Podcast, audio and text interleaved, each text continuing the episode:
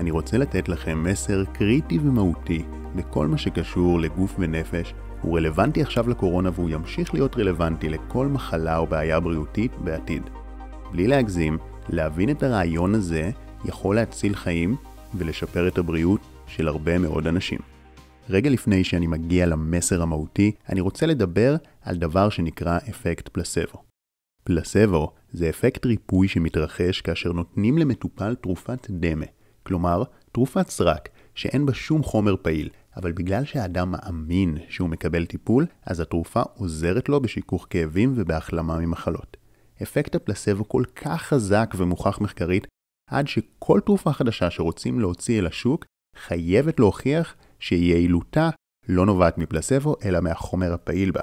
כלומר, כל תרופה, לפני שהיא נכנסת לשימוש, חייבים לנסות אותה על שתי קבוצות. קבוצה אחת מקבלת את החומר הפעיל, וקבוצה שנייה מקבלת כדור דמה, בדרך כלל סתם סוכר.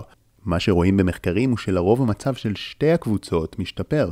כמובן, אם זו תרופה איכותית, אז בסוף היא משפיעה יותר מכדור הדמה, אבל הנקודה שחשוב להבין כאן, היא שיש אפקט שעובד עד כדי כך טוב, שאנשים אשכרה מקבלים כדור סוכר ומצבם הרפואי משתפר מזה.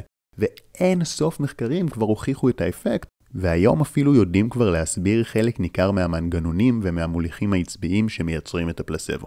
בכל מקרה, זה לא המסר הקריטי שרציתי לתת לכם.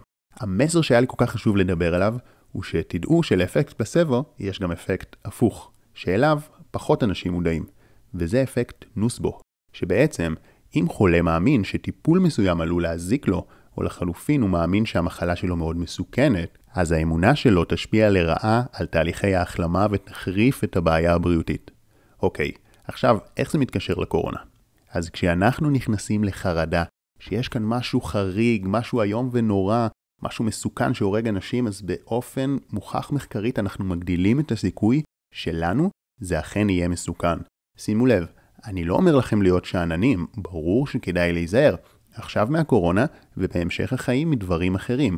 חשוב להיות אחראים ולא להגיד, לי זה לא יקרה כי אני מאמין. פחד בסך הכל הוא כן רגש חיוני שנועד לאותת לנו לשים לב ולהיזהר מסכנה, וזה בסדר שאנחנו קצת בלחץ עכשיו. לחץ הוא חלק מהחיים. אבל, אם אתם בלחץ וחרדה מוגזמים, ואם יש לכם את האמונה שיש פה מחלה מאוד מסוכנת שקשה להחלים ממנה ושהיא קטלנית ושהולך להיות פה נורא, אז עבורכם המחלה אכן תהיה יותר מסוכנת מהממוצע, כי ככה המנגנונים הפיזיולוגיים שלנו עובדים. עכשיו בנוסף לזה, ידוע שהלחץ והורמוני קורטיזול מדכאים את מערכת החיסון, ומגבירים את הסיכוי שלנו לתפוס מחלות ווירוסים, וזה אופן נוסף שבו הלחץ מפני מחלות עלול להגשים את עצמו ולגרום לנו לחלות. אז אוקיי, שחר, שכנעת אותי שכדאי להירגע, אבל איך עושים את זה? הנה התשובה. דבר ראשון זה להבין את ההבדל בין פחד לבין לקיחת אחריות. אנחנו יכולים להיות אחראים ולהיזהר בלי לחץ וחרדה.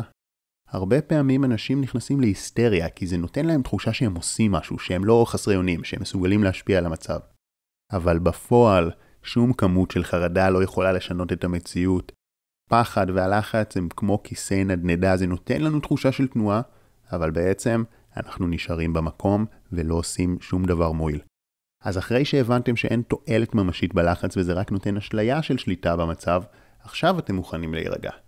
אפשרות ראשונה והטובה ביותר היא לעשות מדיטציה לרגיעה. יש לי הרבה מאוד מדיטציות כאלה בערוץ ואני אשים כאן קישורים למטה. זה הדבר הכי מוצלח שהם יכולים לעשות עכשיו, גם למדיטציה יש עוד המון המון יתרונות בריאותיים אחרים. דבר נוסף שאתם יכולים לעשות זה להיות בהכרת תודה על מה שכן טוב. הרגש של הכרת תודה הוא מאוד חזק. אי אפשר להיות בהודיה ופחד בו זמנית, אז כל שנייה של הכרת תודה היא שנייה חיובית שמייצרת תהליכי ריפוי בגוף שלכם, וההמלצה היא להודות במיוחד על הבריאות ולהודות לגוף על זה שהוא מפעיל תהליכי ריפוי, זה מייצר את האפקט הכי עוצמתי. כמובן, גם להכרת תודה ולהפעלת תהליכי ריפוי יש לי מדיטציות איכותיות. אז עקבו אחרי הערוץ, עשו לייק, שתפו את הסרטון הזה כי הוא מאוד מאוד חשוב ויכול להציל חיים ממש. מאחל לכם המון בריאות, שחר כהן.